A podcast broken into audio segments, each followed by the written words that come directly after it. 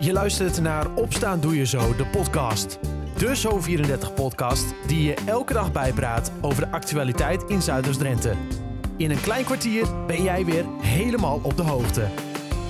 Het is woensdag 7 september 2022. Dit is Opstaan Doe Je Zo, de podcast, aflevering 238. Na het onweer van afgelopen nacht blijft het vandaag overdag droog.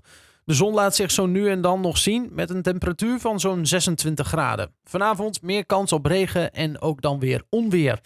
Met in het Zuidoost-Drentse nieuws vandaag. Het OM vindt dat een 34-jarige man uit Helmond anderhalf jaar de cel in moet... omdat hij seks heeft gehad met een 15-jarig meisje. Het zou zijn gebeurd tijdens een festival in Emmen in 2019. De man zelf ontkent. De rechtbank doet over twee weken uitspraak. Zometeen meer nieuws uit Zuidoost-Drenthe. En verder in de podcast hoor je over een provinciale subsidieregeling voor isolatie. En het enige nog bestaande dorpscafé in Bargen-Kopaskum gaat zijn deuren sluiten. Maar eerst nieuws uit Koevoorde, waar gisteravond in de commissievergadering weer is gesproken over het parkeerdek van winkelcentrum De Ganzenhof. Dat dek is lek. Er komt een nieuw dek en de gemeente moet dat gaan betalen. Dat is dan misschien wel nodig, maar de gemeenteraad van Koevoorde staat niet bepaald te springen om 1,3 miljoen euro daarvoor beschikbaar te stellen. Na de vergadering sprak verslaggever Dylan de Lange met de verantwoordelijke wethouder Steven Stegen en met raadslid Jerry Stoker, die sowieso niks heeft met het parkeerdek bovenop het winkelcentrum. Ik vind het gewoon eigenlijk helemaal niks. Ik vind het gewoon, ik vind het gewoon eng ding. Ik durf er tenminste vooruit te komen. Maar waarom is dat? Nou ja, weet je, ik, ik maak gewoon heel weinig gebruik van de auto in Koevoorde, maar ik vind het ding gewoon veel te stijl. Ja, en u, u denkt dus dat er uh, niet zoveel gebruik van gemaakt wordt? Nou, ik kreeg, nee, ja, ik kreeg vanavond kreeg ik een appje van iemand die dat regelmatig telt. 149 parkeerplaatsen, tussen de 30 en de 40 auto's. En ik durfde het niet als feit te doen, omdat het een inschatting was. En dat is ook, en volgens mij is dat ook zo. Maar ik merk dus wel dat mensen vooral proberen te parkeren bij wat, uh, wat uh, bij het zeg maar voormalig overdekte zwembad. Want ik ben echt niet de enige die daar niet omhoog durft. Nee, en dat maakt dus dat u denkt van, hè, is, het, is het dat wel waard, die 1,3 miljoen? Nee, weet je waar het natuurlijk om gaat? In 1995 is er natuurlijk gewoon een waardeloze overeenkomst gesloten tussen de toenmalige burgemeester. Daar, kunnen, dat, daar zijn vanavond allemaal getuigen van geworden, daar is dit college niet aan te rekenen. En dat daar uh, zeg maar uh, allerlei afspraken over in staan die onze inwoners die 1,3 miljoen gaan, gaan kosten. Dan vind ik het heel terecht dat we daar kritische vragen over stellen. En of de uitgaven die zeg maar nu worden voorgesteld in het raadsvoorstel, of dat die niet heel erg overtrokken zijn, of dat ook een tandje minder kan. Ja, volgende week wordt daar verder over vergaderd en besloten. Wethouder Steven Stegen, wat is in het kort het meest handige op dit moment? Ja, kijk, uh, mijn eerste reactie was ook, joh, uh, we lappen het op voor een paar euro en uh, dan nemen we er afscheid van. Hè? Maar dat is dan even de eerste reactie. Maar je gaat er wat langer over nadenken. ja, je komt in een hele juridische touwtrekkerij terecht, want onze advocaat heeft het contract helemaal doorgeplozen. Wij hebben gewoon dat herstel te betalen, punt. Ja, dan is de discussie in welke mate. ja, je kunt nu zeggen, we doen het een beetje, nou ja, zo goedkoop mogelijk. Maar ja, op enig moment heb je toch weer als partijen met elkaar te maken. En dan krijg je dan opnieuw de discussie van ja, het is toen niet goed gebeurd. Dus dan doe ik het nu liever in één keer goed. Dan uh, hebben we weer een schoon speelveld en kunnen we ook praten over de toekomst. En ja, hoe we dat precies gaan doen is ongewis. Alle opties liggen open. We kunnen zeggen, we, we verbreken de overeenkomst, maar dan zijn we ons geld ook kwijt. En dan moeten we uh, zelf misschien in andere parkeerplaatsen gaan investeren. Dus dat is het dilemma. Dus ja, want hij, hij is dan misschien niet meer gratis uh, toegankelijk. Uh, dat zou kunnen. Dat, dat is wel heel ingewikkeld. Dat moet nog verder uitgezocht worden. Maar wanneer is nou een parkeerplaats openbaar of niet? Daar zijn de meningen ook juridisch wat over verdeeld. Dus daar durf ik niet op uh, te gokken. Dus dan kan het zijn dat er een slagboom voorkomt. Nou ja, we weten allemaal hoe gevoelig parkeren ligt, ook bij de ondernemers. Ja, uh, ik proef toch ook wel bij de raad dat men die kant ook niet op wil. Dus we moeten gewoon naar uh, afspraken met de eigenaar van het pand over het parkeerdek. Die toekomstbestendig zijn en die ook ja, recht doen aan de huidige situatie. En dat zou betekenen, wat mij betreft, een normale huurprijs betalen. Dus niet een gulden per jaar, een normale huurprijs, maar ook gevrijwaard zijn als gemeente van het onderhoud. Aldus wethouder Steven Stegen. Volgende week vergadert de gemeenteraad verder over de 1,3 miljoen voor het parkeerdek. Dan volgt ook het besluit over het toekennen van de investering. Meer hierover vind je nu al op zo34.nl of in de app.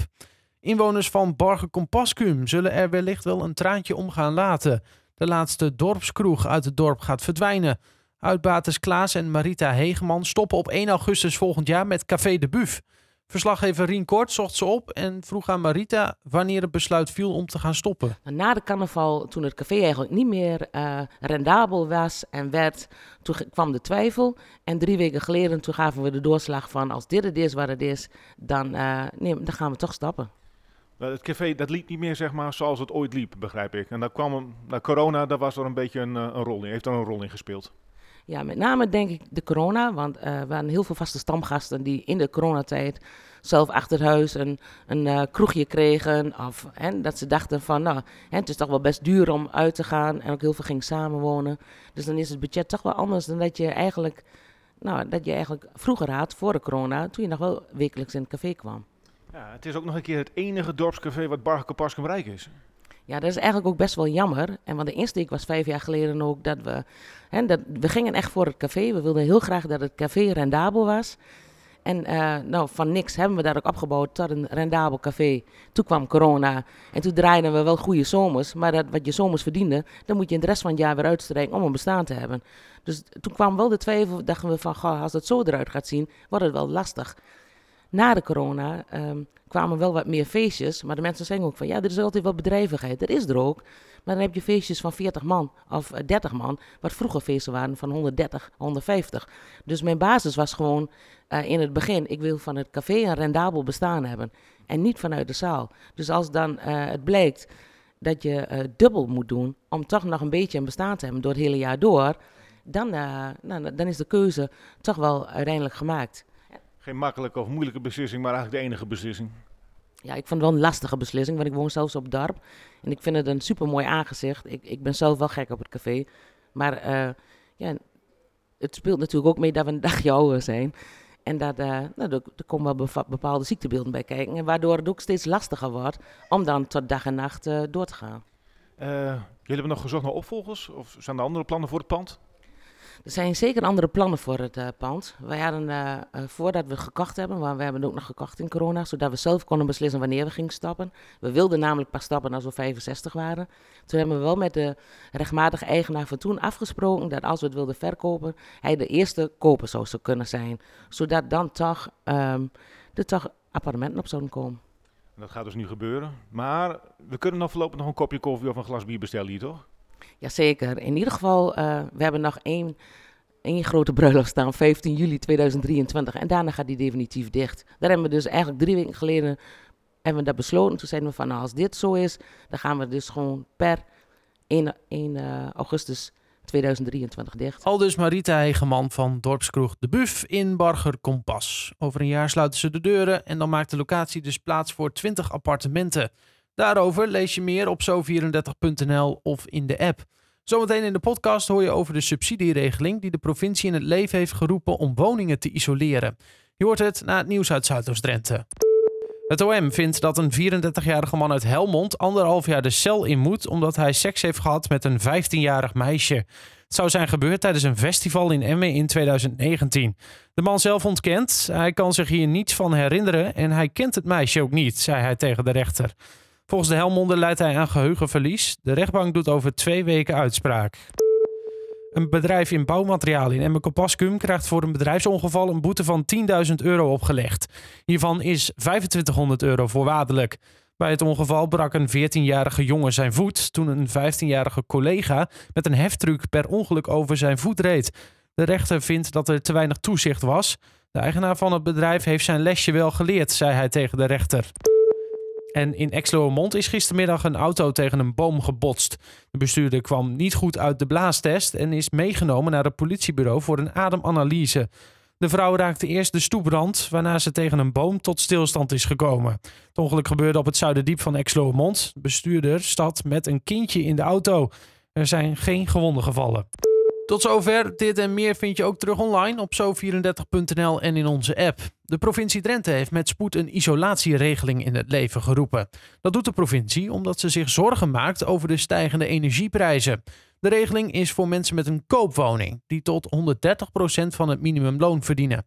Je krijgt geen geld, maar een bedrijf komt bij je langs om je huis te isoleren vertelt gedeputeerde Chisse Stelpstra in gesprek met Serge Vinkenvleugel. Eh, we zien dat uh, mensen gigantische rekeningen krijgen. Zeker eind van dit jaar zal het heel erg worden. We zien dat bedrijven echt heel veel kosten moeten maken om de energie te betalen.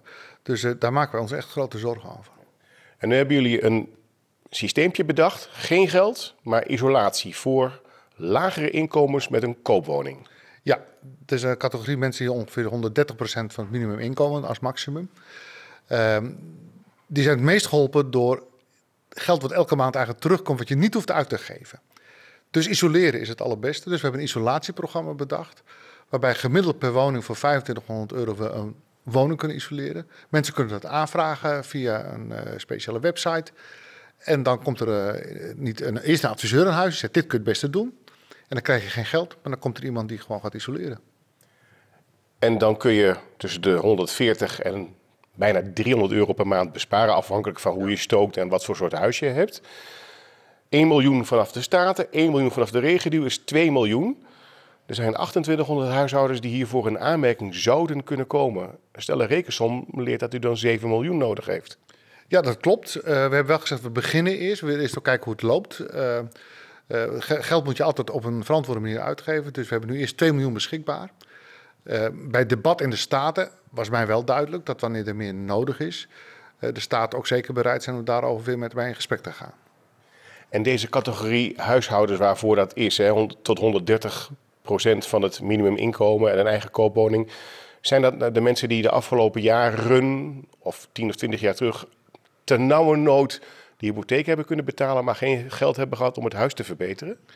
Nou, het zijn over het algemeen dus geen hoge inkomens. Dus je moet inderdaad uh, mensen die, die eigenlijk zoals je zegt hun hypotheek hebben kunnen betalen, maar ook gewoon soms moeilijk rond kunnen komen. Uh, we zien zelfs dat de middeninkomens al, uh, nu het al moeilijk krijgen. Dus het is de vraag of dit de categorie wel, of we hem zo beperkt kunnen houden. Maar dan hebben we nog... Misschien moet het wel meer zijn dan die 130 van het minimum. Dat, dat zou nog best eens kunnen, dus dat gaan we ook uitzoeken. Daar zullen we ook tegenaan lopen de komende periode.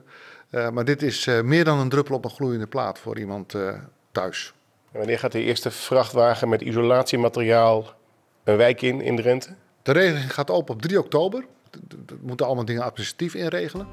Uh, en ik hoop zo snel mogelijk daarna. De regeling is vanaf oktober dus aan te vragen op de speciale website van de provincie, gewoonzodrenthe.nl.